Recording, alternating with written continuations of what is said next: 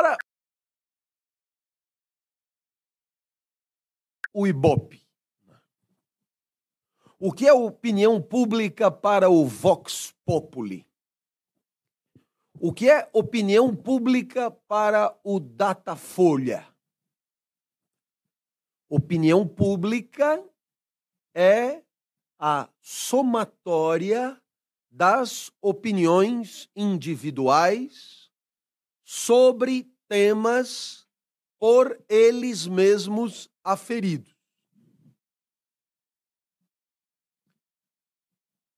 Então, naturalmente, essa concepção é uma concepção tentadora.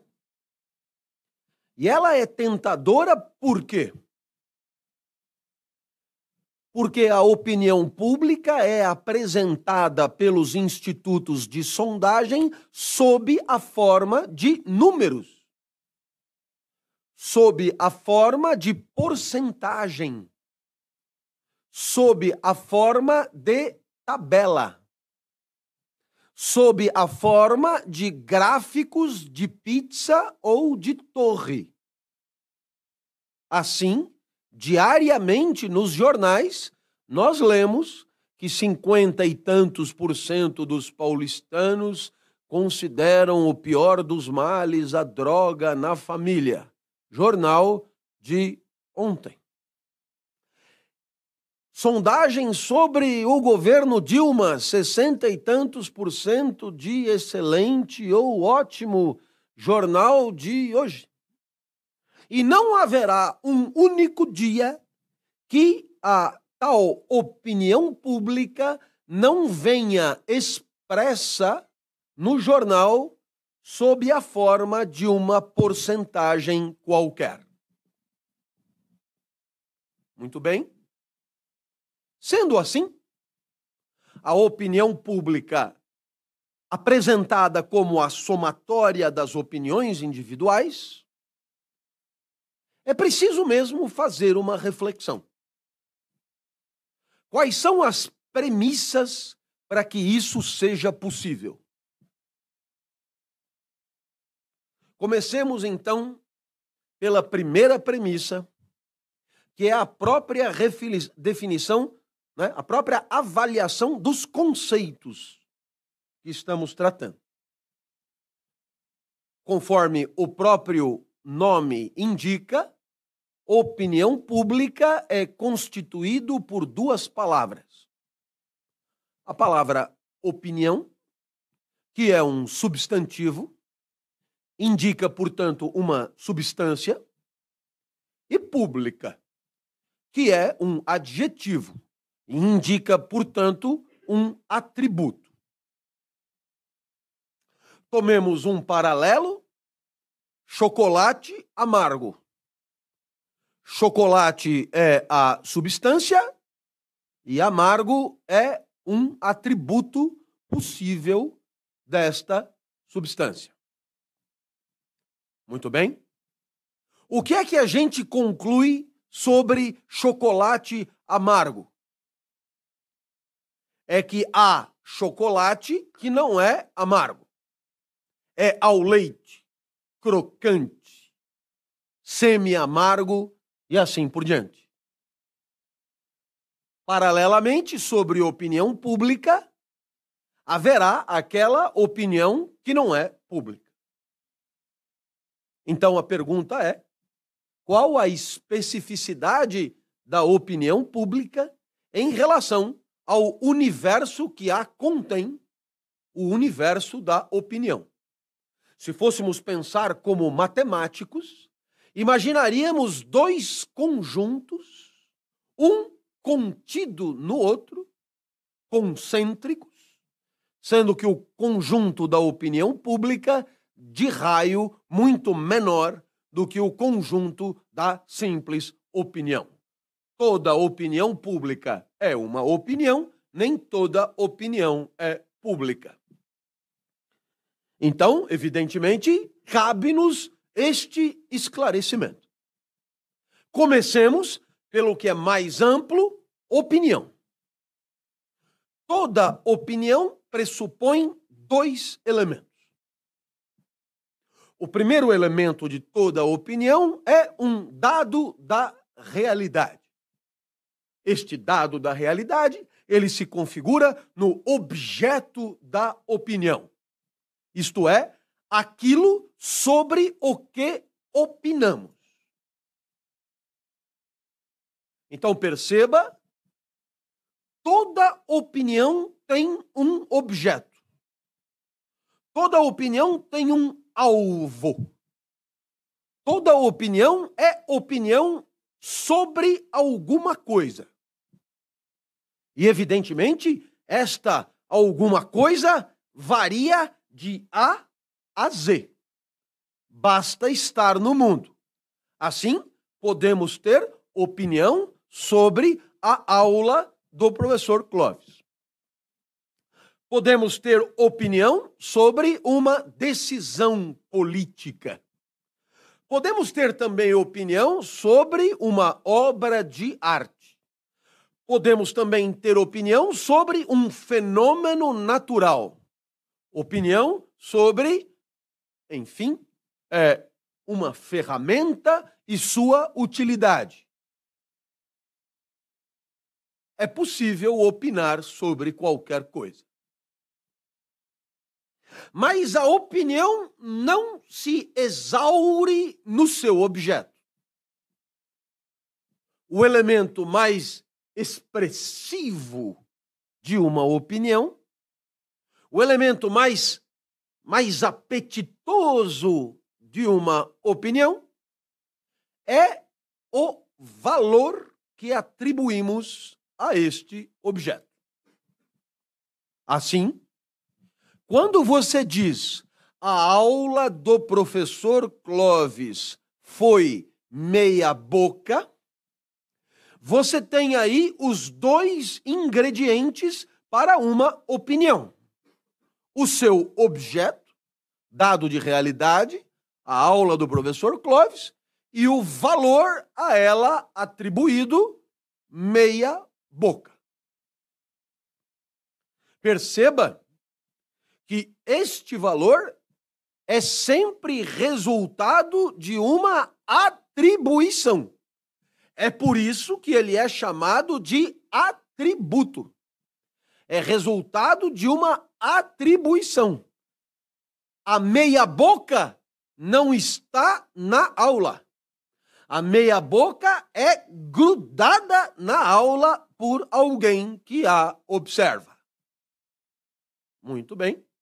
Assim, podemos atribuir valor a uma decisão, podemos atribuir valor a uma obra de arte, dizer que tal música é horrível, dizer que tal comentário é impertinente, julgar tal glúteo espetacular, e assim poderemos ter opinião sobre tudo, desde que haja atribuição de valor sobre algum dado de realidade. Ora, meus amigos, seguindo uma lógica sadia, se a opinião pública é um tipo de opinião, também tem um objeto e um valor. E se a opinião pública tem uma especificidade em relação a uma opinião geral, essa especificidade está no seu objeto e no seu valor. Muito bem, qual é a especificidade do objeto da opinião pública? Se eu disser que comi há poucos minutos um sanduíche que me foi preparado sob medida, à la carte, de queijo branco com banana, pela dona Hermínia ela mesma e o sanduíche estava magnífico, existe aí uma opinião. Mas ela não é pública. O sanduíche de banana da dona Hermínia não satisfaz os requisitos do objeto da opinião pública. E por quê? Porque a opinião pública terá por objeto temas que digam respeito à toda a cidade, a toda a polis. Temas políticos, portanto, o que ainda não é o caso deste sanduíche. Se porventura ele desencadeasse uma epidemia que tivesse consequências políticas, a opinião sobre ele poderia tornar-se pública. Mas não é o caso. Existe opinião que não é pública e a minha opinião sobre o sanduíche é um exemplo. Da mesma maneira, quando você sai daqui e diz, já assisti a aulas melhores do professor, esta opinião também não é pública, porque não atende aos requisitos de um objeto da opinião pública, não diz respeito a toda a cidade. E assim, e assim você poderia perguntar com muita legitimidade o que é preciso para que qualquer coisa satisfaça o requisito de ser de dizer respeito a toda a cidade, ser público, portanto. Ora, dependendo da época, as condições mudam. Lá na Atenas antiga, um tema satisfaria esta condição se fosse debatido na Ágora porque a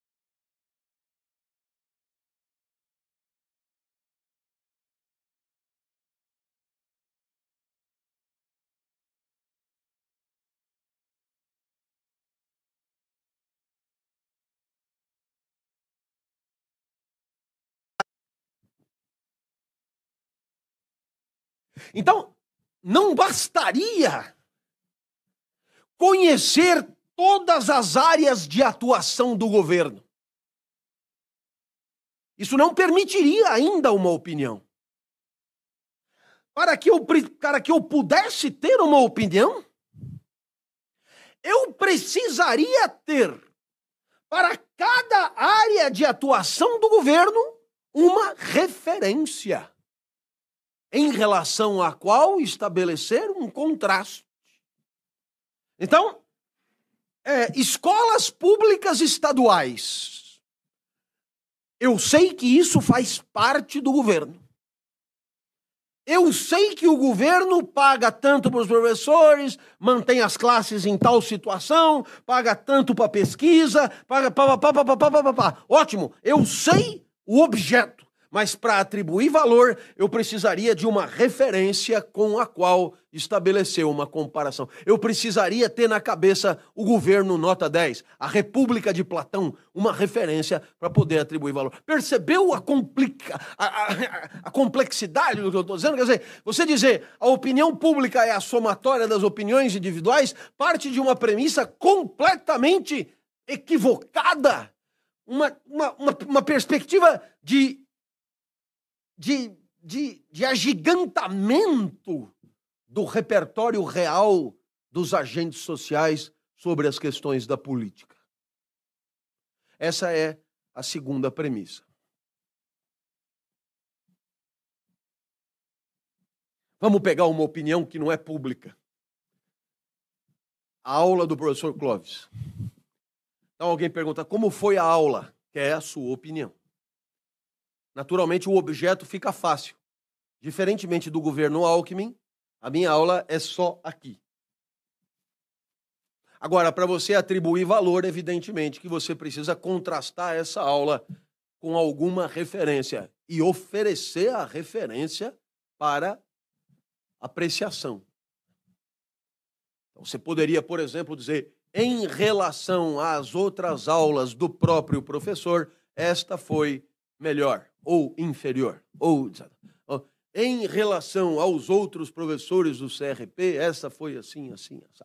Em relação ao modelo ideal de aula que me foi dado no cursinho em Quixadá, essa aula foi uma porcaria. Em relação, então, evidentemente que você precisa ter um critério a partir do qual julgar. Para a aula do professor, é normal que você tenha esse critério na cabeça com maior ou menor é, é, precisão em relação ao governo Dilma. Ótimo, bom, regular ou péssimo para o governo Dilma? Nossa! Para responder essa pergunta é preciso meses de reflexão. Terceira premissa. Para que a opinião pública possa ser a somatória das opiniões individuais, é preciso que haja opiniões individuais. E o que mais? É preciso que elas sejam somáveis.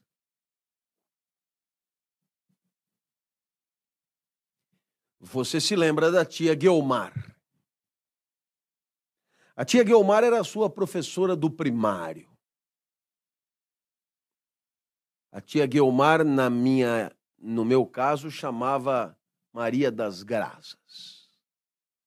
Como chamava a sua Maria das Graças? Aquela que dava aula de tudo, como chamava? Não? Não lembra? É Maria alguma coisa, não é? Maria Inês? Maria Helena. Essa devia ser mais bonitinha. Maria Helena.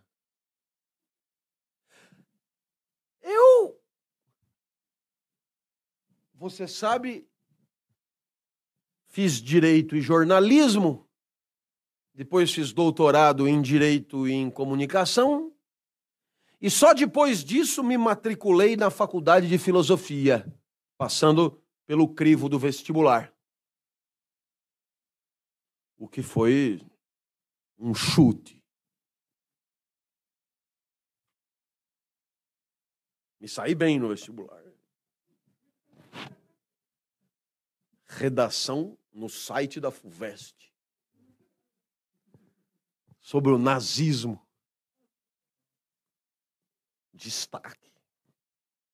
Eu entrei então na FEFELET e logo no primeiro semestre eu me matriculei numa disciplina Filosofia da Ciência.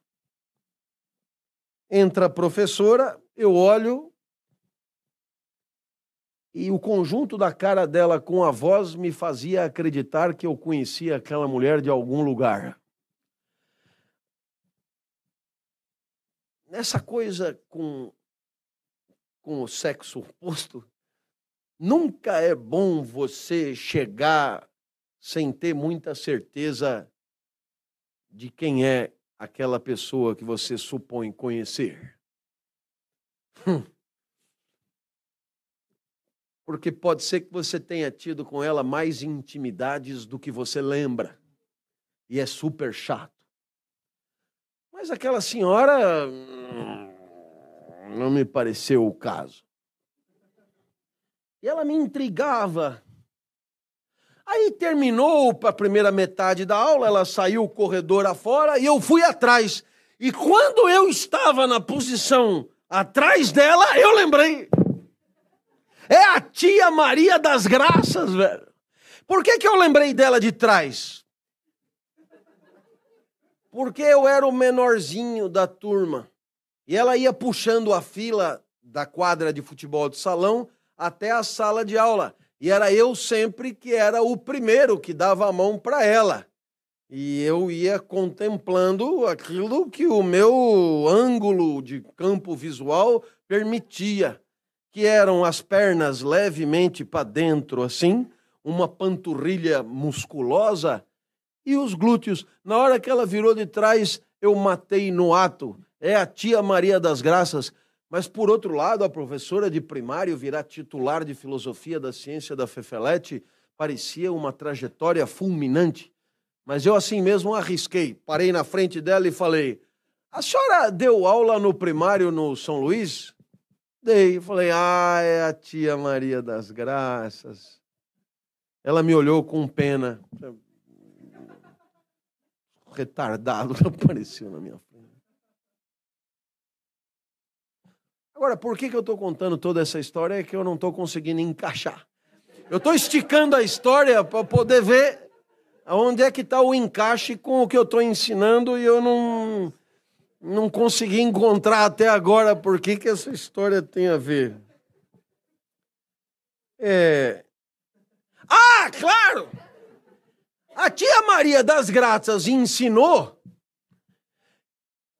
que para somar só são somáveis unidades da mesma espécie. Não tem como somar um liquidificador e um preservativo não dá dois. Então, se a opinião pública é a somatória das opiniões individuais, é imprescindível que as opiniões individuais sejam somáveis. E aí eu pergunto: será? Tomemos um exemplo. Vamos imaginar que eu pergunte o que você acha da aula do professor Clóvis. Aí o rapaz lá da ponta, aluno da tia Maria Helena, diz: o que ele ensina é interessante, a didática até é interessante, mas ele é uma figura um pouco entojada e depois ele fede um pouco. Certo. A moça de roxo, sempre ao seu lado, diz coisas como: ah, eu gosto dos exemplos. Eu aprendo pelos exemplos. Quando ele começa a teorizar, eu me perco completamente. Mas pelos exemplos vale. E a terceira moça aqui diz: olha, para se distrair ainda é melhor do que a televisão. Pergunto a vocês: essas três frases, você põe uma em cima da outra, dá para somar e chegar num número? Então não são somáveis. A pergunta é: o que é preciso para que as opiniões individuais se tornem somáveis? é preciso que você as encaixote em categorias que você impõe, tais como ótimo, bom, regular ou péssimo. Todos têm que responder segundo as mesmas categorias. Aí dá para somar. Mas a pergunta é: será mesmo que essas três frases que eu acabei de enunciar sobre a minha aula elas se deixam traduzir com facilidade em ótimo, bom, regular ou péssimo? A verdade, o que acontece é que você já recebe o questionário com essas categorias e você já elabora a sua opinião em função das categorias, para que elas possam ser somadas. Mas se você pudesse, você as elaboraria qualitativamente, inviabilizando qualquer soma.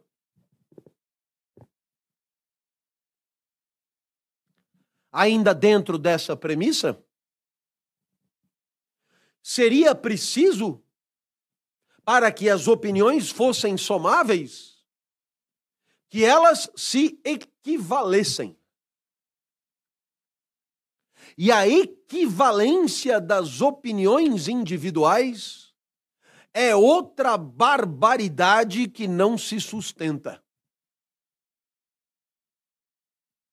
Em outras palavras, somar o que pensa Joaquim, o que pensa Manuel, o que pensa Pedro, o que pensa João e acreditar que isso são quatro unidades de opinião com a mesma influência de persuasão na sociedade é ignorar que cada porta-voz tem a sua competência específica, a sua legitimidade específica e a sua zona de influência completamente particular e diferente dos demais. Exemplo. Aquele que quiser ler mais sobre isso pode ler um artigo que eu gosto muito, que é o artigo dos números às letras, que está presente numa obra, coleção de artigos, intitulada Comunicação na Polis, ditado pela editora Vozes. O autor desse artigo, dos números às letras, é também o organizador do livro. Um rapaz que eu gosto muito, Barros Filho, vírgula, C. Ponto. O exemplo me encanta. Estou dormindo. Três da manhã toco o telefone. E quem me chama é um amigo e colega da época. Pertencíamos ao mesmo departamento de jornalismo da Casper Libero. Fomos todos demitidos na mesma greve. E este meu amigo é ainda crítico de cinema da Folha de São Paulo e o seu nome é Sérgio Riso. Amigo de disputas, né, de, de solidariedade de classe, o que autoriza ligar às três horas da manhã. Eu queria conversar com vocês, estou com um problema pessoal. Falei, amanhã. Não é? Eles, mas amanhã já é hoje. Vamos assistir uma porno chanchada. Porque você sabe, os críticos de cinema têm sessões específicas para eles de madrugada, para não atrapalhar o horário comercial. A sugestão era assistirmos uma porno chanchada de meia hora no espaço Unibanco e depois comer alguma coisa no frevinho. Eu que tenho dificuldade para dormir, vi que a noite já estava perdida, falei, mas então vamos. Porno chanchada me atrai, porque tem a palavra porno, que me faz pensar em mulher pelada, o que valeu um crédito de cinco minutos ao filme. A hora que a mulher apareceu, uma porno chanchada da década de 60, aquilo foi deprimente, porque nós estamos hoje, é, digamos, inflacionados pela estética das paniquetes. Então, aquela mulher da década de 60 era uma homenagem à gravidade, uma busca inexorável pelo chão. Né? Coisa medonha. A mulher apareceu, eu virei para ele e falei: Isso é uma espécie de tortura. A tristeza era tamanha que eu adormeci no cinema. Quando terminou o filme, acenderam as luzes, eu pude ver os outros críticos de cinema, eles têm todos o mesmo tipo, eles têm até um uniforme, que é o descolamento, né? sapatos guilhotinados na ponta, e sempre óculos com cores extravagantes e coisas bizarras assim. Eu rapidamente fui identificado como um alienígena e o meu amigo teve que se posicionar e dizer: não, está aqui comigo e tal, para que não houvesse imediatamente um, um, uma, uma chincalhe de menosprezo. E aí passaram uma pesquisa de opinião sobre o filme: ótimo, bom, regular ou péssimo. Eu por conta das mamas da protagonista, marquei péssimo. Foi o que eu vi né? e entreguei. Chegando lá no, na lanchonete, ele me perguntou: o que você marcou? Eu falei: péssimo. Ele, claro. E naturalmente, ele provavelmente presumia que eu tivesse marcado péssimo pelas mesmas razões que ele marcou péssimo. Então ele se deu ao luxo de começar a explicar todos os itens que justificavam o seu péssimo, o que é chatíssimo. Eu não entendo nada de cinema, nem quero entender. Não, né? Tenho esse direito. Não quero saber. Estava dormindo, na verdade. Quero saber. Sobre o cenário, luz, dinâmica, trama. Mas o fato é que o pesquisador foi para casa com dois péssimos, o meu e o dele. E na hora de contar, são dois péssimos iguais. Um péssimo de quem dormiu, o outro péssimo de quem é crítico de cinema. Um péssimo de quem fez de tudo para recalcar a imagem que viu. O outro péssimo é de alguém que escreveu um artigo no jornal para ser publicado no dia seguinte e que vai ser lido por algumas centenas de milhares de leitores. É só isso a diferença. Na contabilidade, o meu péssimo é igual ao dele. A pesquisa passa a régua, faz equivaler aquilo que não tem nada a ver uma coisa com a outra.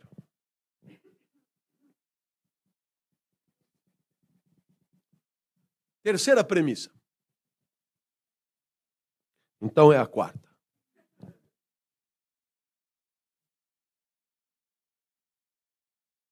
Acreditar que a opinião pública possa ser a somatória das opiniões individuais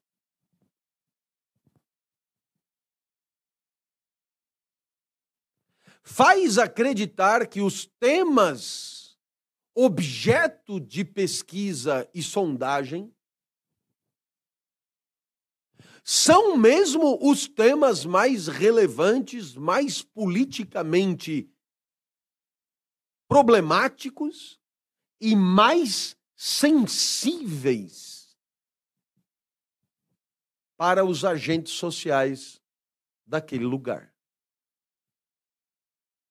Submeter uma sociedade a uma pesquisa sobre alguns temas e não sobre outros temas parte da premissa de que aqueles temas são mais relevantes, mais importantes, mais candentes, mais políticos do que os temas ignorados pela própria pesquisa. Na verdade, perguntar sobre alguns temas é pressupor um acordo social sobre a importância daqueles temas, o que está longe de corresponder à verdade. Exemplo. Conforme eu disse a vocês, trabalhava no Senado Federal quando da elaboração da Constituição de 88.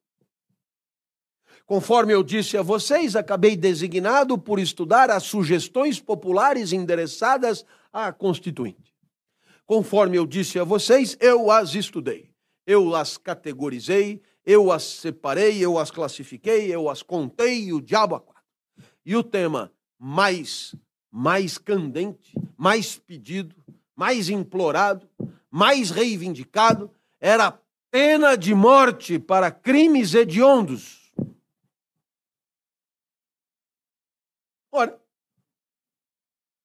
como você pode perceber, isso não foi levado muito em conta pelos legisladores. E aqui não importa se você é a favor ou contra.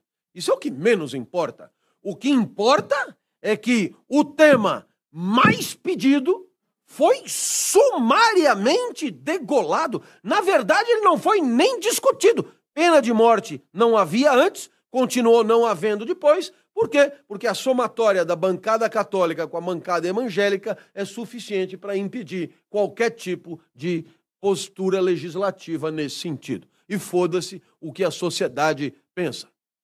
Muito bem. Mas a Constituição de 88, isso foi ligado agora?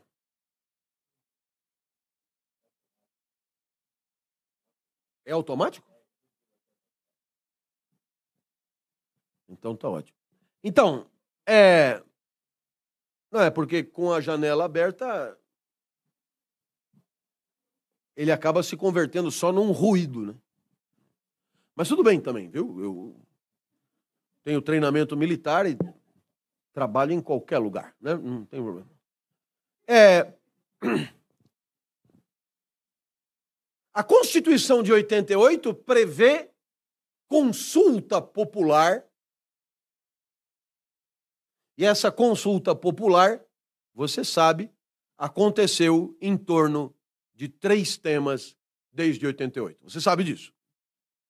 Eu tenho certeza que você estudou isso nos livros de história, o que é incrível para mim, para nós, porque nós votamos. Você, para você, isso é editora moderna, né? É. Quais foram os temas consultados? Vamos, você estudou, entrou aqui? Perdão? Isso.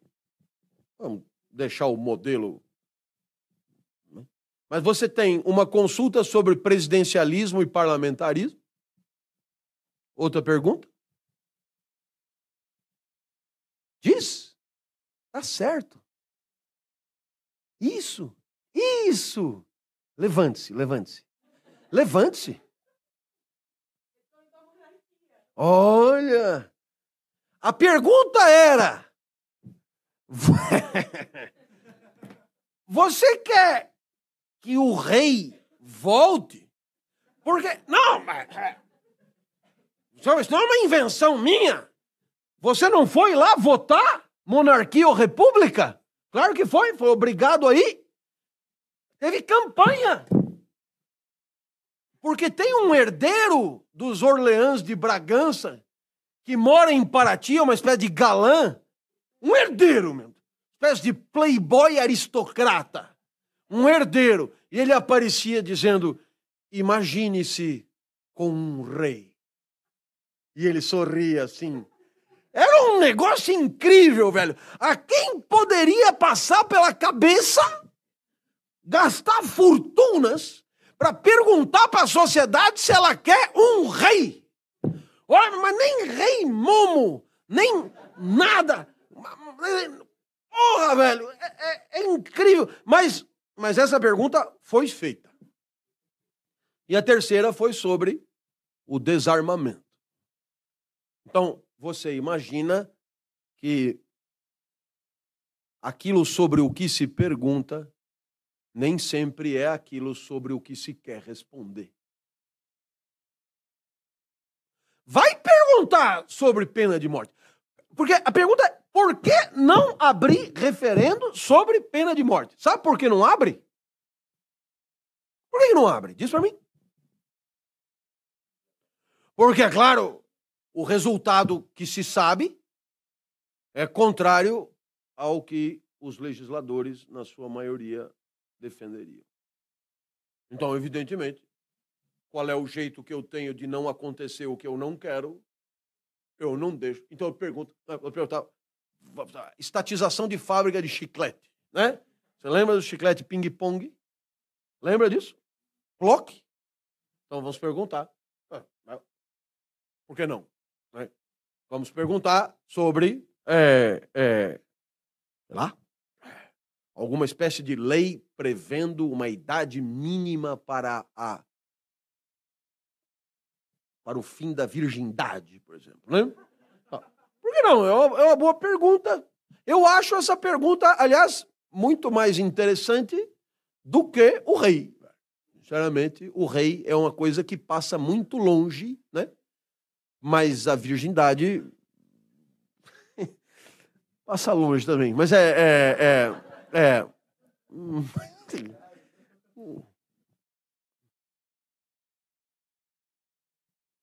Ora, todas essas premissas nos permitem concluir. Eu gostaria mesmo que encontrassem o artigo do professor Bourdieu, em torno do qual eu estou me manifestando aqui. Todas essas premissas discutíveis e frágeis nos permitem chegar a uma conclusão.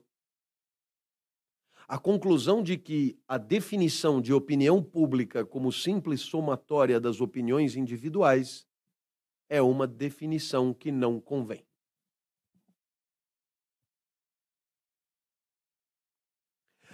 Mas a transição para a segunda proposta será da premissa mais óbvia. Para que a opinião pública possa ser a somatória das opiniões individuais, é preciso que haja opiniões individuais sobre temas públicos antes de qualquer opinião pública.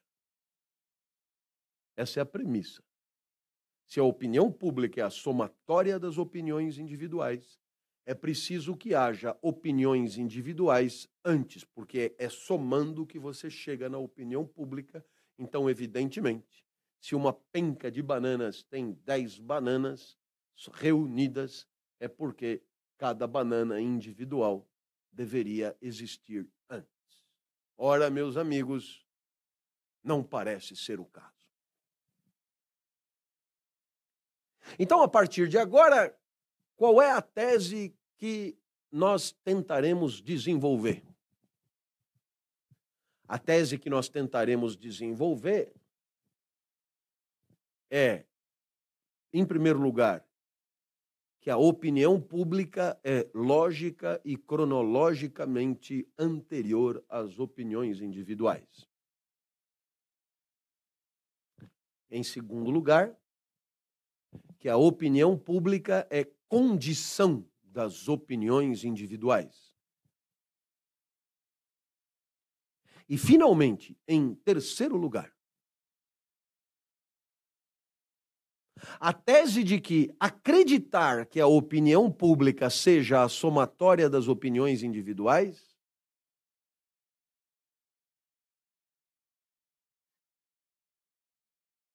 interessa a alguém esconde instâncias de poder e protege aqueles que conseguem interceder e interferir junto aos caminhos da opinião pública. Se você preferir, para falar mais simples, Acreditar que a opinião pública seja a simples somatória das opiniões individuais é esconder aqueles que estão por trás da construção efetiva das opiniões dominantes sobre os temas políticos. É uma maneira de se abrigar é uma maneira de não aparecer. É uma maneira de camuflar as reais instâncias construtoras de um entendimento dominante. Então, no lugar de você supor que os grandes conglomerados de comunicação, eles mesmos porta-vozes dos seus patrocinadores, grandes representantes do capital, têm a condição de interceder junto à sociedade, construindo diariamente um entendimento sobre o que devemos pensar a respeito disso ou daquilo, no lugar disso, eu faço acreditar que a raiz da opinião pública está na somatória democrática, purificada e ingênua de cada um dos agentes sociais e suas convicções pessoais.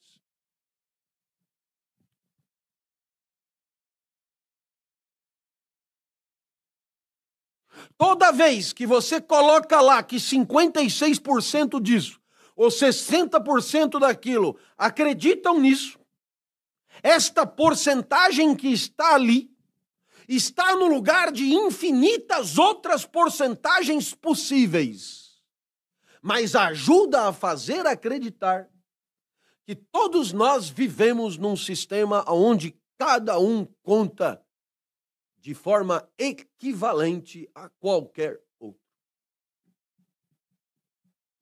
Muito bem? Eis aí o que vamos tentar demonstrar com o auxílio de alguns autores que nos são já familiares.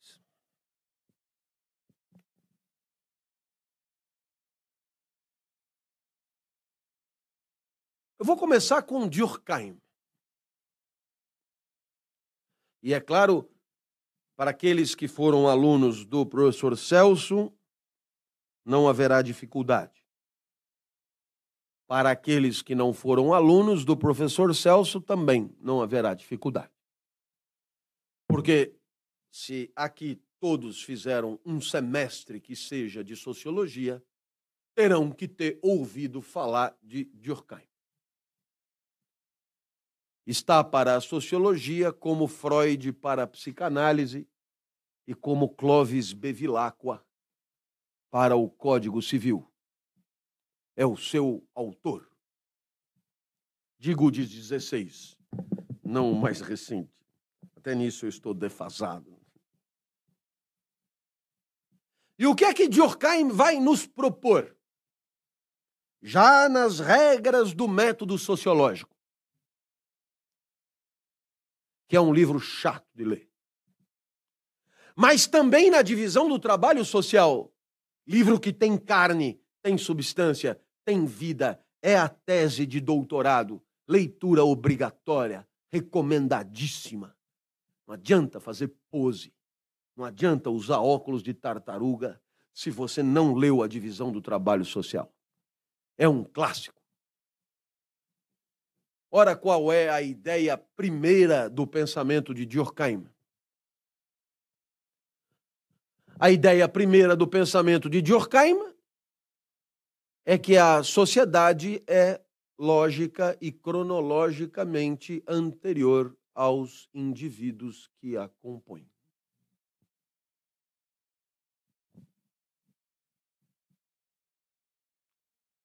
Lógica e cronologicamente anterior.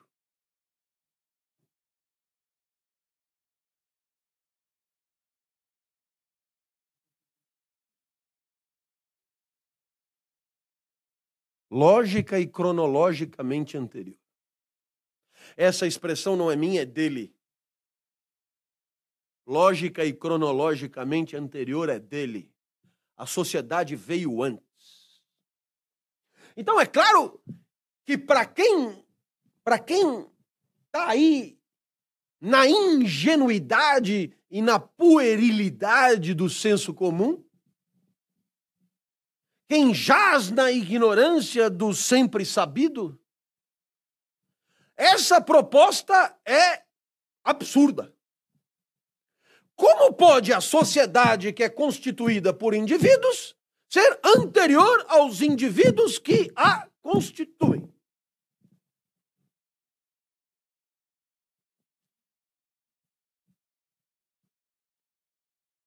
Durante séculos, a forma hegemônica de, de, de definir uma sociedade era denominada contratualista. Como o próprio nome indica, o contratualismo explica a sociedade a partir de um contrato. E um contrato, você intui, pressupõe a livre manifestação de vontade dos contratantes. Então, para o contratualismo, e o contratualismo que você encontra no Leviatã de Hobbes, no segundo tratado do governo civil de Locke, no contrato social de Rousseau e até mesmo no espírito das leis de Montesquieu, o que é que você encontra? Você encontra a seguinte pressuposição: a sociedade é uma forma de convivência livremente escolhida pelos seus agentes para alcançar fins que isoladamente não alcançariam. Essa é a definição que você encontra também na apostila do ângulo, na apostila do etapa, aquilo que você tem que pôr no vestibular para poder entrar na USP. É a tese contratualista. A sociedade resulta da livre manifestação de vontade e de adesão a um coletivo, que é a de cada um. Isso pressupõe o quê, meus amigos? Isso pressupõe que houve antes e o que havia antes? Havia um fulano lá, outro lá, outro lá e outro acolá, e esses fulanos, curiosamente, viviam no mais absoluto isolamento. Como pararam lá, já é uma boa pergunta, mas viviam no mais absoluto isolamento. Aí o, o indivíduo A encontrou o B, por sua vez chegou o C, aí veio o D, vamos torcer para ter uma mulher no meio, para poder haver alguma chance de reprodução. E aí, um diz: Oi, oi. Então, vamos alcançar fins juntos que sozinhos não alcançaríamos? Eu, por exemplo, tenho vacas. E você, pelo cheiro, faz pão. Se vivermos juntos, faremos o churrasquinho. Coisa que sozinhos não conseguiríamos, porque eu fico comendo só pão e você comendo só carne. Qual a chance disso ter acontecido algum dia? Então, não há registro histórico do contrato social. Não há. E por que não há? Porque nunca aconteceu. E por que nunca aconteceu? Porque você percebe o absurdo. Para que pessoas consigam deliberar sobre as cláusulas de um contrato, é fundamental que elas se comuniquem. Para elas se comunicarem, elas precisam de uma linguagem comum. Para ter uma linguagem comum, é fundamental que elas já estejam inscritas num contexto de sociabilidade, porque não há linguagem no isolamento. Então a sociedade é logicamente e cronologicamente anterior ao indivíduo. E vamos começar pensando em você. Eu não sei se você já se convenceu disso, mas quando você nasceu, o mundo já existia. Isso pode te parecer óbvio, mas haverá quem problematize. Berkeley, por exemplo. Algum aqui já estudou Berkeley, se você quiser. Filósofo irlandês que emprestou o nome à Universidade Californiana este mesmo que estava convencido de que não tem um mundo fora de você. Tudo é um filme, espécie de patrocinador do Matrix. Mas tirando Berkeley, o fato é que você costuma acreditar que existe um mundo fora de você. E você também costuma acreditar que existe um mundo, ou existia um mundo antes de você. Tanto é assim que quando você nasceu, já nasceu na maternidade X.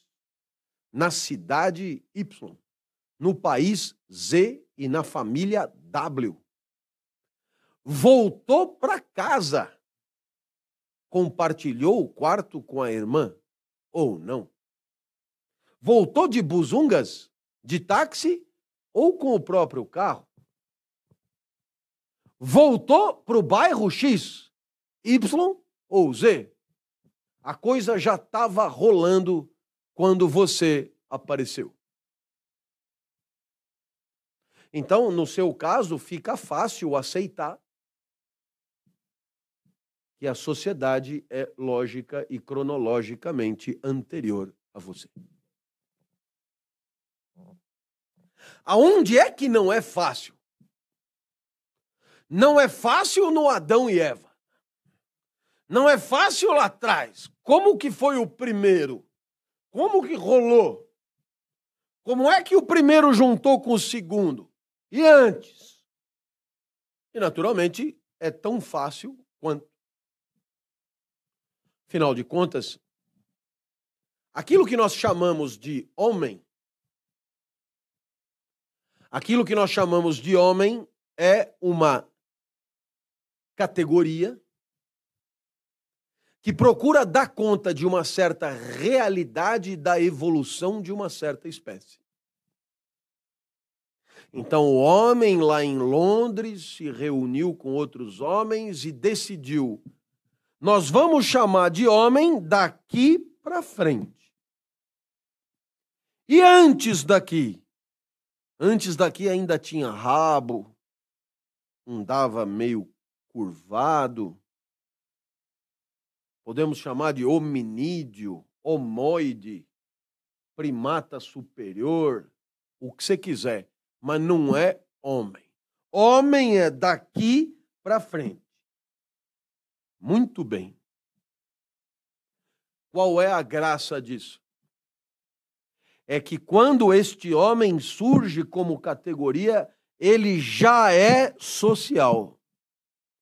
E aquele que não é, não chegou ao homem, o do dia anterior, também já era social.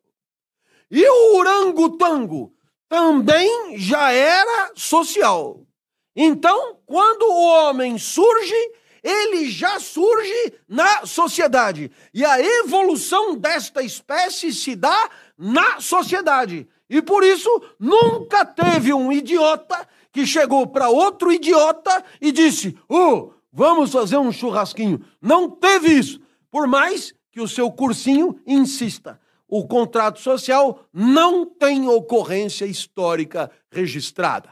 A sociedade é lógica e cronologicamente anterior ao indivíduo. E se você não entendeu isso com clareza, dificilmente conseguirá fazer pesquisa na área de ciências sociais. Lembrando que a comunicação é ciência social aplicada. E por quê? Porque toda pesquisa em ciência social nada mais é do que a investigação do que a sociedade faz com você e de como você ajuda a compor a sociedade. Portanto, a presunção da anterioridade do social em relação ao sujeito é uma presunção que vai fazer parte da tua vida de pesquisador. É fundamental ter tido um excelente esclarecimento sobre isso com Durkheim e a fundação da sociologia.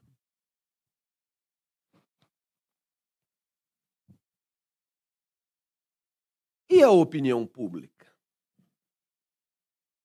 Ora, meus amigos, se a sociedade é anterior ao indivíduo, é uma inferência imediata que a opinião pública, que é, entre outras coisas, aquilo que Durkheim chama de um fato social, esta opinião pública é, por inferência imediata, anterior, lógica e cronologicamente às opiniões individuais. Como é que eu aproximo isso da tua realidade? Ora, basta você se lembrar do que acontecia até pouco tempo atrás. De repente você começou a ser perguntado sobre coisas relacionadas à cidade. Mas eu não sei se você percebeu quando você começou a ter alguma consciência de que a cidade poderia ser diferente do que ela é, o Lula já estava aí. O FHC já estava aí. O PT já existia. O PSDB já tinha sido fundado. E, portanto, toda a matéria-prima que você usa para emitir suas opiniões já estavam aí presentes.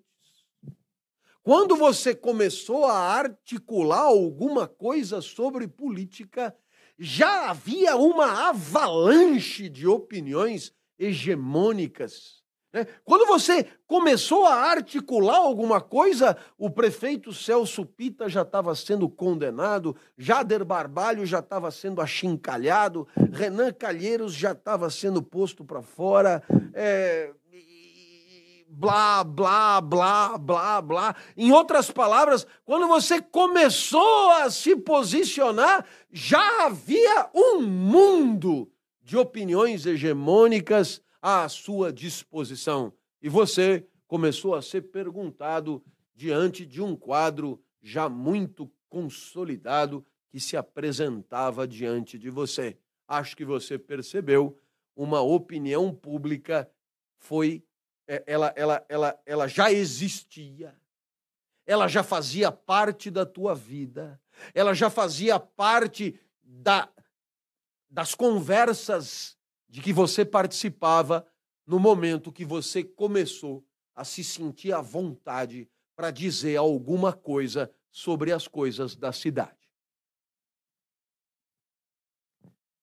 A leitura da divisão do trabalho social é amplamente recomendada.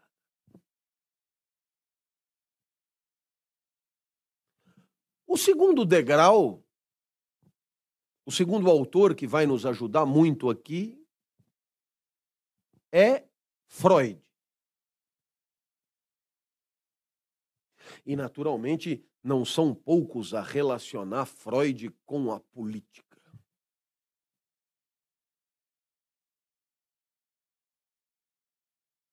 Aqueles que quiserem fazer esse trabalho fino, tá aí. Vai que no meio de vocês tem algum alucinado que gostaria de pegar uma grande obra para resenhar ou para comentar como trabalho final de curso.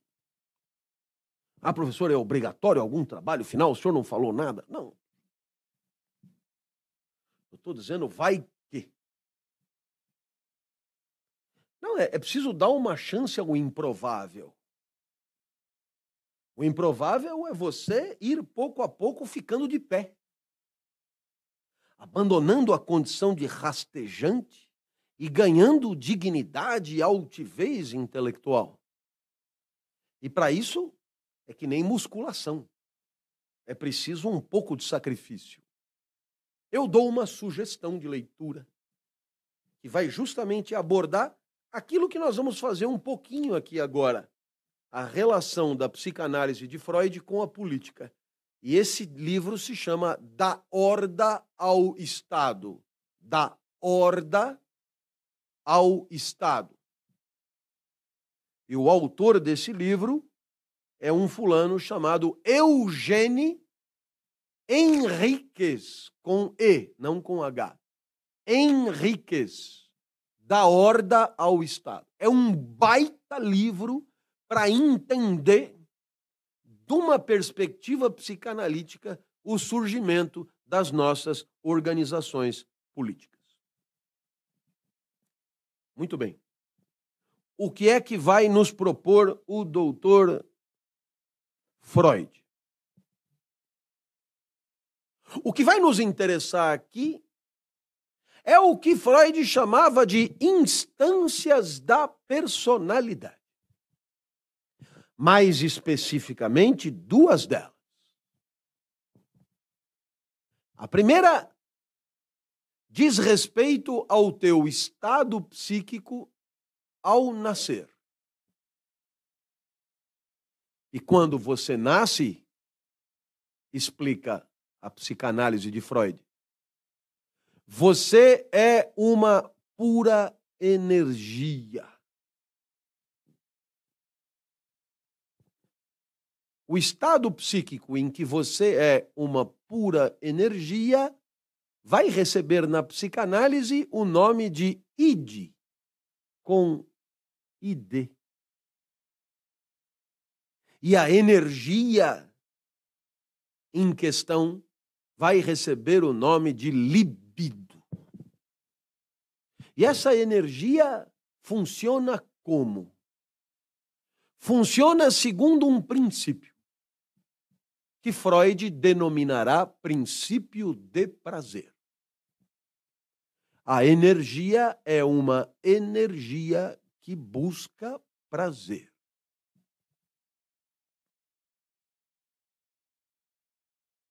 Tanto é assim que um recém-nascido, diante da mais mínima limitação do seu prazer, esbraveja, como se fosse o fim do mundo. Então eu pergunto a você: pode uma figura dessa ficar desse jeito no mundo? Não pode. Ele vai produzir desconforto. Ele vai atrapalhar os outros. Sobretudo porque esse indivíduo, quando nasce, ele não é jogado em qualquer lugar.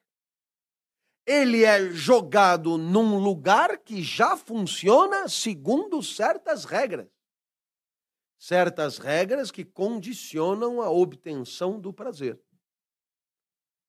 Este funcionamento recebe o nome de princípio de realidade. Olha que legal! Você funciona regido pelo princípio de prazer e é jogado num lugar que funciona segundo o princípio de realidade conjunto de pessoas que se articulam segundo regras e que vão receber, enquanto coletivo, o nome de civilização, por Freud. Em alemão, Kultur, com K, que nada tem a ver com cultura, hein? Cultura, com K. K-U-L-T-U-R, que quer dizer civilização. Então, o que acontece? Você, energia libidinal, é jogada, é jogado na civilização. Você busca prazer o tempo inteiro e a civilização não pode permitir que você tenha prazer o tempo inteiro. Então, há aí uma tensão.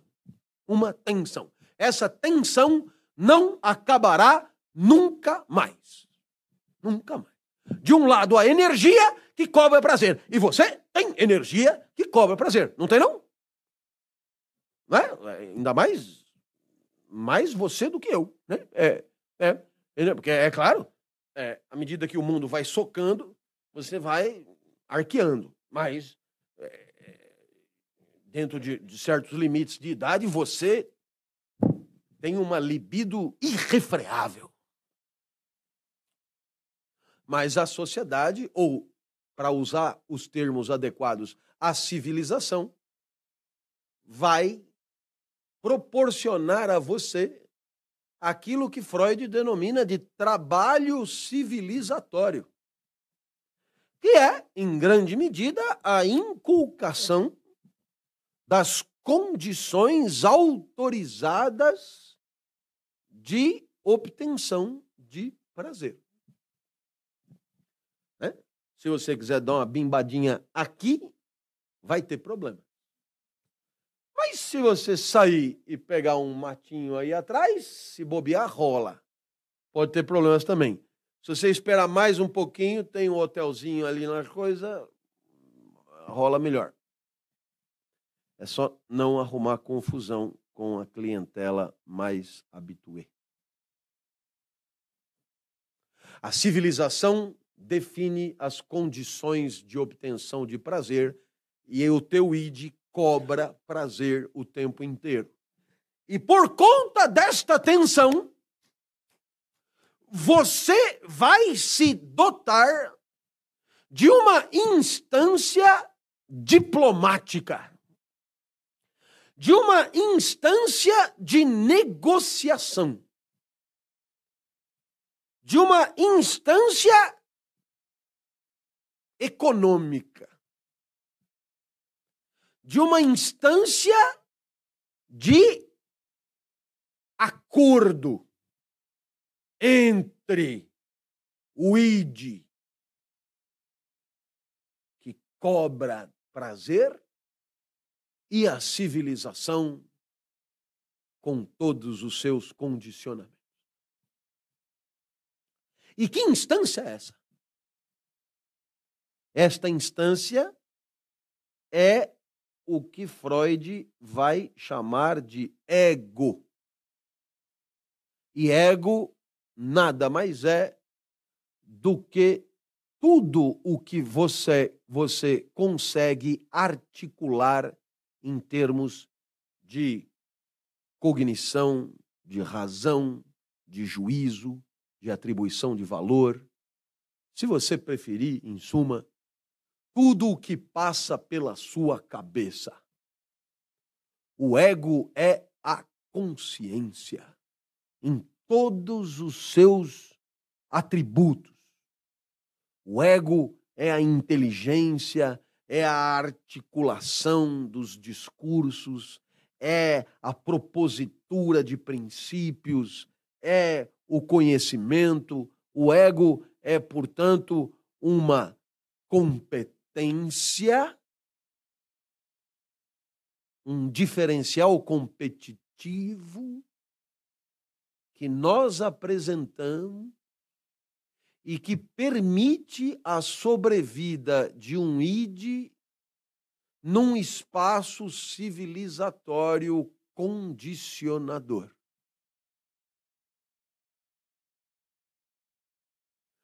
Ora, meus amigos, essa história toda merece ser contada por quê? Simplesmente porque o que é que a psicanálise de Freud está nos dizendo? Que no começo era o id. No começo era o id jogado na civilização.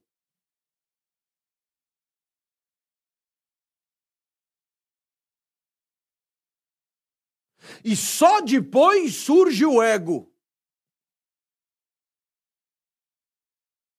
Como instância avançada de negociação e de acomodação e de distensão entre forças que se opõem.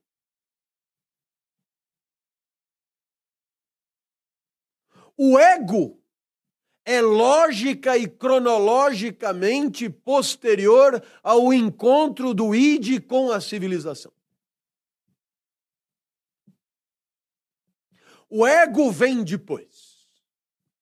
E o que é que tem no ego? No ego tem as opiniões individuais. E o que é que tem na civilização? Na civilização tem a opinião pública. Eu espero que você tenha entendido que também na psicanálise as opiniões individuais elas só existem por conta de condições materiais muito específicas. A saber, de um lado, o id pulsional cobrando prazer e a civilização juridicamente organizada e restringindo o prazer. É só por isso que surge o ego. Razão pela qual, também na psicanálise, fica demonstrada a tese de que a opinião pública é condição das opiniões individuais. Mas nós ainda temos um terceiro autor. Talvez o mais encantador deles. Porque menos badalado, mas mais próximo de nós. E eu me refiro ao grande Bakhtin. B-A-K-H-T-I-N. Vygotsky também. É, Vygotsky. É que, senão não terminamos mais. Mas Vygotsky tem a formação social da mente que também seria excelente.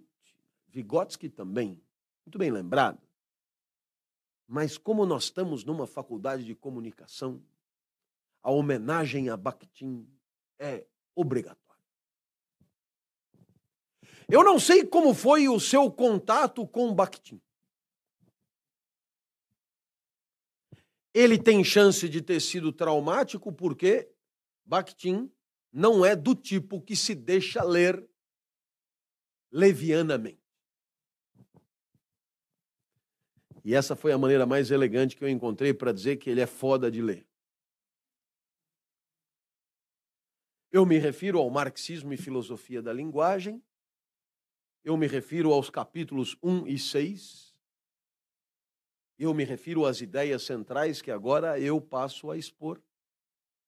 Mas eu me refiro à necessidade absoluta que você tem de ir atrás. Então veja bem. Né? Essa aula começa a ficar uma aula digna. Porque nós começamos com Bourdieu. Questões de sociologia, opinião pública não existe. Nós passamos para Durkheim, divisão do trabalho social. Nós fomos para Freud. E em Freud, você pode ler O Mal-Estar na Civilização, que vai dar conta do que nós explicamos, mas você pode ler Totem e Tabu, você pode ler tanta coisa linda que Freud deixa. E nós estamos chegando em Bakhtin, onde você vai ler pelo menos o capítulo 1 e o capítulo 6 do Marxismo e Filosofia da Linguagem. Você junta tudo isso, né? E você começa a, a, se sentir bípede.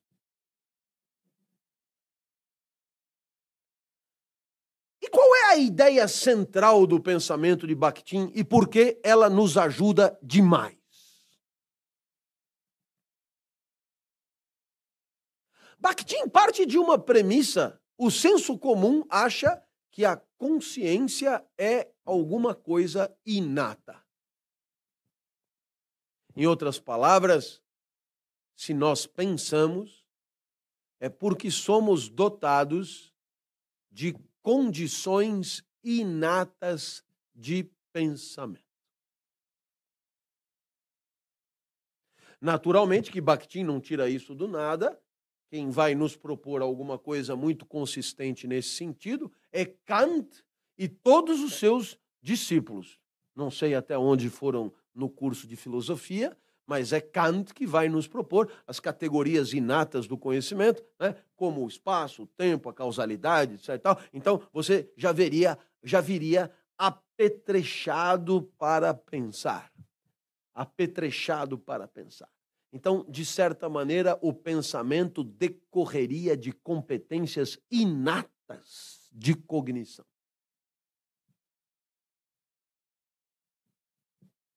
Ora, qual é a proposta de Bakhtin? A proposta de Bakhtin é, é a de que a nossa consciência tem como matéria-prima signos, símbolos. Para facilitar e dar concretitude, a nossa consciência é povoada de palavras. A palavra não é o único signo, mas é só para facilitar a tua compreensão. A nossa consciência é povoada de palavras. Mas não é só. Essas palavras constituem a consciência, mas a consciência, por sua vez, é dinâmica, e, portanto, toda consciência pressupõe uma articulação permanente entre estas palavras. Para que estas palavras sejam articuláveis, é fundamental que estas palavras queiram dizer alguma coisa.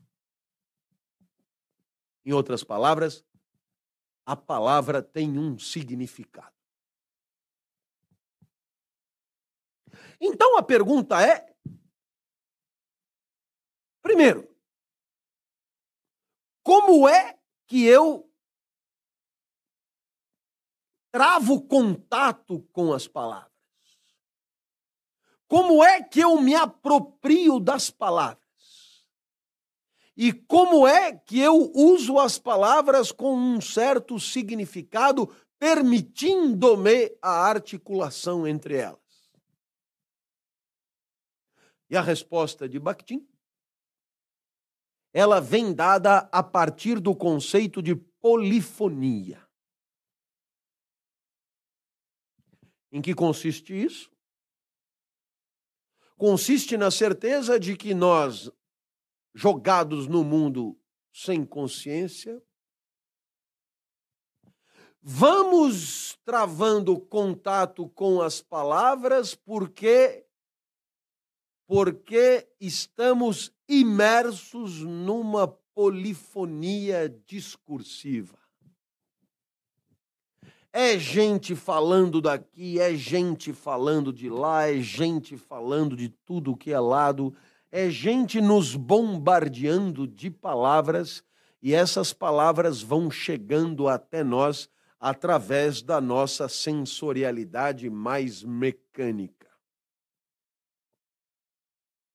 Eu espero que você tenha entendido que as palavras estão para a nossa consciência, assim como os ovos estão para uma omelete.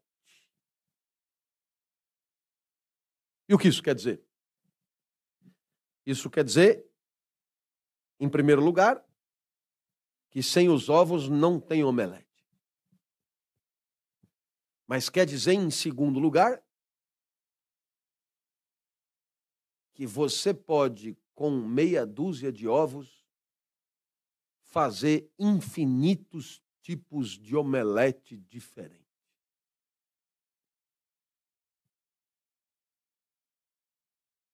E o que tudo isso significa? Tudo isso significa que você não é uma cópia xerox daquilo que ouve você está banhado numa polifonia discursiva, você ouve, ouve, ouve, ouve, ouve, ouve, ouve, ouve, e estas palavras de que você se apropria são os ovos. Mas na hora que você vai enunciar um discurso, você vai propor a sua omelete. E esta omelete poderia ser outra, outra, outra, outra. Portanto, existe um espaço criativo mas esse espaço criativo não é um espaço criativo idealista do tipo do gênio que tira tudo do nada. Não, é um espaço feito de ovos. Em outras palavras, você não é nem um gênio que tira tudo do nada, nem uma cópia xerox daquilo que ouve. Um exemplo excelente é a minha aula de hoje. Sem Bourdieu, sem Durkheim, sem Freud, sem Bakhtin, a aula não seria possível. Porém, ninguém dirá que esta aula é a reprodução mecânica da justa posição de textos clássicos de outrora. Não. Esta aula para começar, já teve o mérito de reunir esses autores que não nasceram no mesmo orfanato. E, portanto, já houve aí uma reunião que foi uma interferência de quem produz a aula, uma interferência criativa. Depois, cada ideia destacada de tantas outras também é o resultado de uma escolha. E depois os exemplos que são atualizados, e depois a relação entre os autores, e depois as teses que perpassam todos esses autores, tudo isso é produção do professor. O professor enuncia. Ele é criativo. Ele participa da polifonia. Mas sem os ovos, ele não teria podido fazer nada disso. Ora, no caso da aula, é fácil perceber os ovos. Os ovos são Bourdieu, Bakhtin, Freud, etc. Agora, o que é importante você perceber é que sempre há ovos. Ou seja, mesmo que você não saia por aí falando como se fosse um permanente comentador de autores, saiba que você só fala porque ouviu, sempre. Claro que você poderá ter mais ou menos consciência da gênese ou da origem da matéria-prima semiótica que você usa para construir discursos, mas ela será sempre social. A sua consciência é construída de fora para dentro. A sua consciência é construída dentro de um pertencimento na sociedade. É a sociedade que te oferece os ovos. É a sociedade que te oferece as ferramentas. É a sociedade que te oferece uma maneira de pensar. É a sociedade que te oferece, portanto, todas as condições materiais de que você precisa para articular aquela matéria-prima semiótica que você usa para falar. E mais do que isso, é a sociedade que te propõe o significado das palavras que você usa. É claro que é isso que Bakhtin quer dizer quando diz que todo signo é ideológico.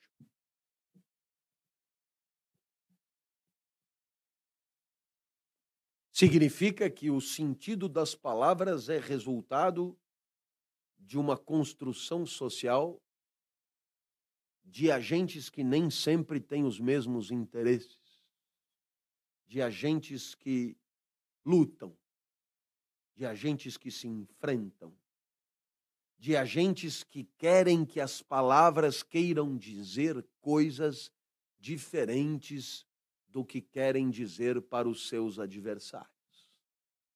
É. Vamos dar como exemplo o termo universidade pública. Como você pode perceber, universidade pública é uma expressão constituída por duas palavras e o atributo pública deve querer dizer alguma coisa.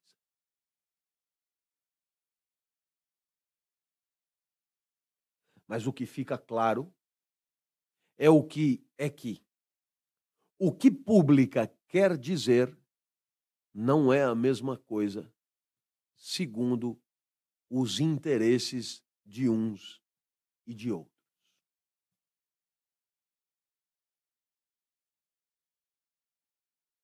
Veja, por exemplo, o caso de Porto Rico. Eu estive em San Juan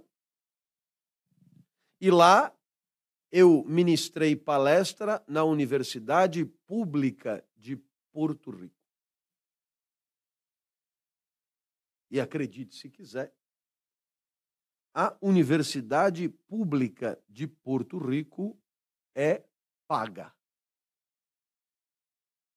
Porque o público lá quer dizer o seguinte: quem quiser estudar e puder pagar, que estude. Eu também estive na UBA, Universidade de Buenos Aires. E a UBA é uma universidade muito impressionante. Você imagina, por exemplo, que no primeiro ano da faculdade de Direito tem 4 mil alunos. Diferente dos 400 aqui da São Francisco. E aí você olha e diz, mas 4 mil alunos?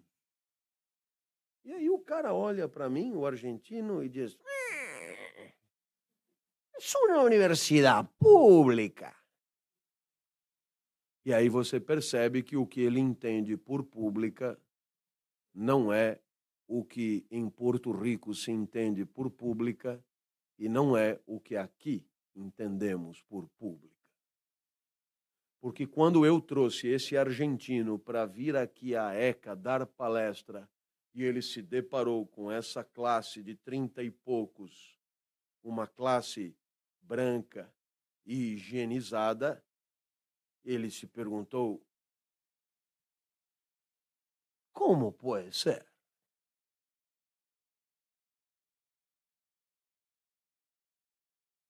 Porque o público lá é o seguinte: terminou o ensino médio, passou no Enem, entra na universidade que quiser.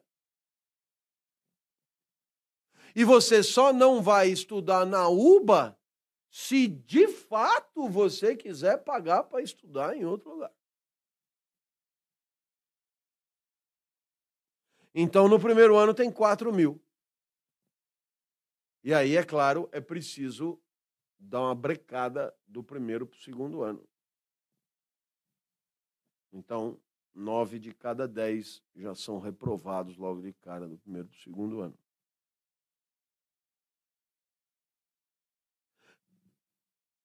Também não entende por universidade pública a mesma coisa o pessoal da FIA. Na verdade, não entende por universidade pública. Se você for na FEFELET e você for na FEA e perguntar o que é universidade pública, você terá respostas muito diferentes. Então, o que é que você conclui? Que existe uma luta social pela definição do que devemos entender por universidade pública. É isso que Bakhtin quer dizer com todo signo é ideológico. Ficou claro? E você dirá, mas qual é a verdade sobre universidade pública? Não. É justamente isso que ele quer dizer. É ideológico. E como nós já explicamos, verdadeiro e falso não tem a ver com ideologia.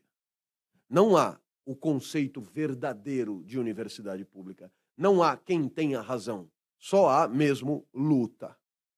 Luta pela imposição da concepção legítima de universidade pública.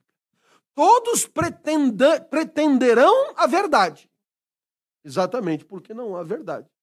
A única verdade está no conflito, está na luta, está no enfrentamento. Por quê? Porque o significado das palavras é um troféu. É um troféu em disputa. E o que tudo isso tem a ver com a opinião pública? Ora, você já fez a inferência. Se a minha consciência é povoada por signos em articulação, e esses signos em articulação só se articulam em função de significados em circulação na polifonia social, é evidente que eu só consigo articular, isto é, propor uma opinião individual, se eu tiver sido devidamente abastecido por uma matéria-prima semiótica que me é dada pela polifonia na qual eu estou inserido. A opinião pública é lógica e cronologicamente anterior às opiniões individuais.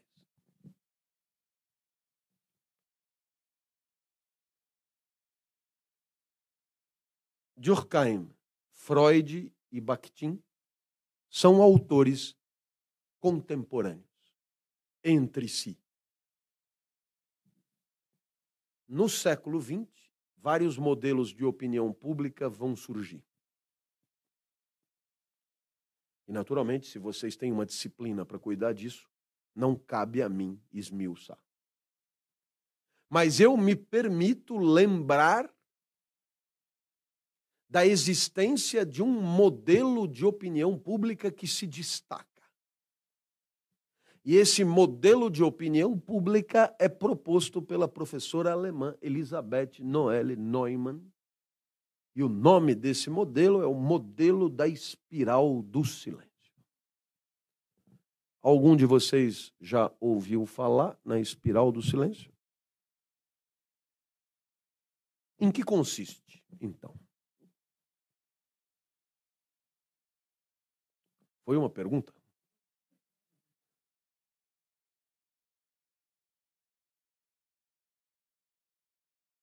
Bom, para entender a espiral do silêncio, devem ler o capítulo 6 da obra Ética na Comunicação, de um extraordinário pensador contemporâneo. A espiral do silêncio é um modelo que me é muito caro, porque para escrever esse capítulo eu pude debater com a professora que me ajudou a escrever, que me deu pistas. E o modelo da espiral do silêncio é um modelo de compreensão muito simples. Ele é um modelo de psicologia social. E a psicologia social tem toda ela uma premissa: é a investigação com a investigação que tem por objeto o que acontece com as pessoas em função do meio social em que estão inscritas. E por que espiral? Por que do silêncio? A premissa é que nós nos sentimos muito desconfortáveis quando temos que defender uma opinião que não é dominante num determinado grupo mais ou menos como alguém aqui defendendo o Maluf. Não é muito fácil. E este desconforto vem acompanhado de uma estratégia. Essa estratégia não é absoluta, ela é tendencial, ela é macrosociológica, ela é uma, é uma estatística. E esta estratégia é o silêncio sobre esse assunto. Em outras palavras, você tende a não falar muito sobre temas que você supõe ter uma opinião contrária à opinião da maioria. Então você percebe que o modelo da espiral do silêncio parte de uma premissa. Todos nós temos uma certa intuição da opinião da maioria. E essa intuição da opinião da maioria é o que ela chama de clima de opinião. Clima de opinião. Você costuma chamar de um indivíduo sem noção um indivíduo com o clima de opinião deformado. Sabe aquele que chega aqui e diz: ah, mulher é forno e fogão, limpar a cozinha e tirar leite. Conversa de vestiário de clube depois do jogo. Esse indivíduo é sem noção. Ele não tem o clima de opinião muito muito alinhado. Mas tirando graves deformações, costumamos ter clima de opinião. Quer dizer, uma intuição do que podemos dizer sem muito desgaste e do que não devemos dizer sob pena de muito desgaste. Então, naturalmente, se você tem uma opinião que não coincide com a opinião da maioria, você tende a ficar quieto. E isso não é completamente absurdo, porque eu frequento um clube que fica na esquina da Augusta com os Estados Unidos e é incrível como eu fico quieto no vestiário. Na verdade, não há nada que seja dito lá com que eu concordo. Eu tenho a impressão que o Lula ali não teve um único voto. Um voto.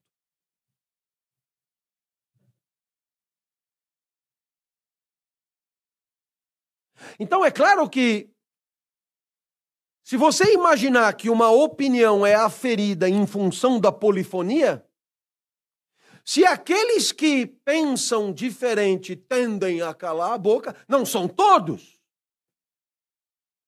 Mas é claro que aquela opinião que já é minoritária se tornará mais. Porque quem pensa daquele jeito não abre a boca. Tornando aqueles que abrem a boca mais isolados e, portanto, mais provavelmente inclinados a calar a boca.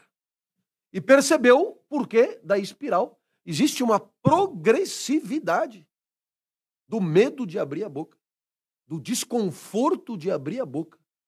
Por quê? Porque no final das contas, quem poderia serrar fileiras com você não, não abriu a boca. Então, vou pegar um exemplo.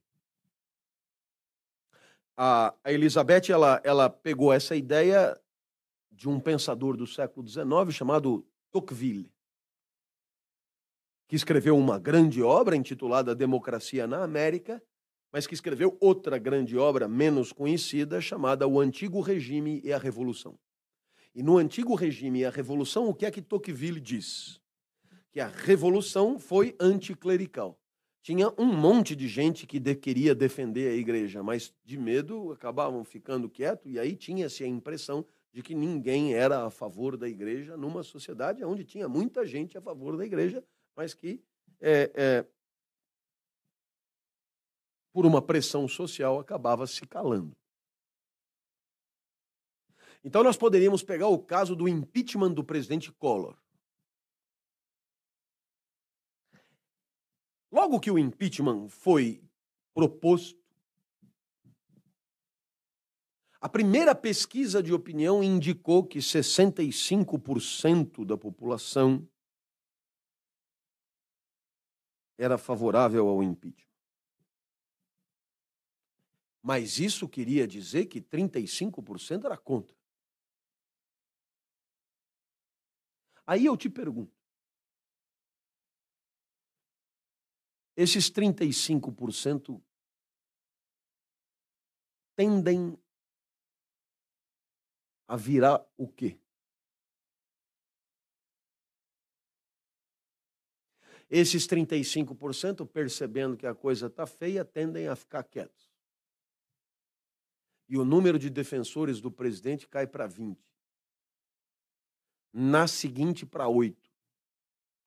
E quando você está com 8% do teu lado, a tendência a calar a boca é imensa de tal maneira que depois de três meses, os defensores abertos da manutenção do presidente eram estatisticamente desprezíveis.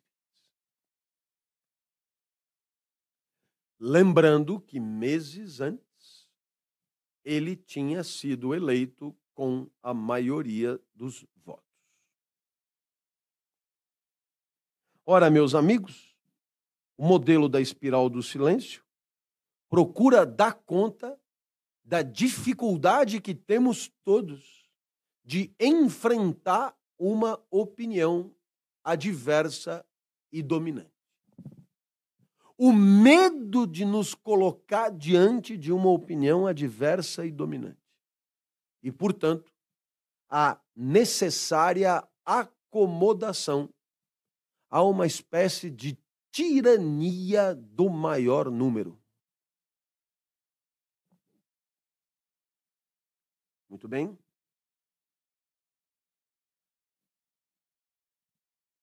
Talvez seja exatamente aqui que nós possamos reencontrar as preocupações de Platão. Platão nunca usou o termo opinião pública, porque o termo surge com Rousseau exatamente 22 séculos depois. Mas Platão usava a palavra doxa. E o que ele chamava de doxa? Ele chamava de doxa a opinião dominante na agora. E essa opinião tinha duas características. Primeiro, politicamente forte. patrocinadora da decisão política, mas filosoficamente frágil. Por quê? Porque justamente para uma opinião tornar-se dominante, precisa contar com o apoio e o aplauso do maior número. E o maior número é invariavelmente dotado de repertório acanhado. Razão pela qual a doxa, para Platão, era invariavelmente uma espécie de delta, uma espécie de gap entre a força política e a pobreza filosófica. E Platão não hesitou em afirmar: uma sociedade que aplaude o distanciamento da política em relação à busca da verdade, uma sociedade que aplaude sistematicamente a decisão política em distanciamento progressivo da complexidade da busca da verdade, é uma sociedade que cava a sua própria sepultura. E eu acabo aqui a minha intervenção. Então você tem muitos textos para ler, você tem duas concepções de opinião pública, tenha a certeza que uma das perguntas da segunda prova será sobre as premissas da ideia de opinião pública como somatória das opiniões individuais e a proposta de opinião pública como causa das opiniões individuais. Pergunta essa que dá conta de todos os elementos apresentados aqui, desde as 19h30. Muito obrigado e até quinta que vem.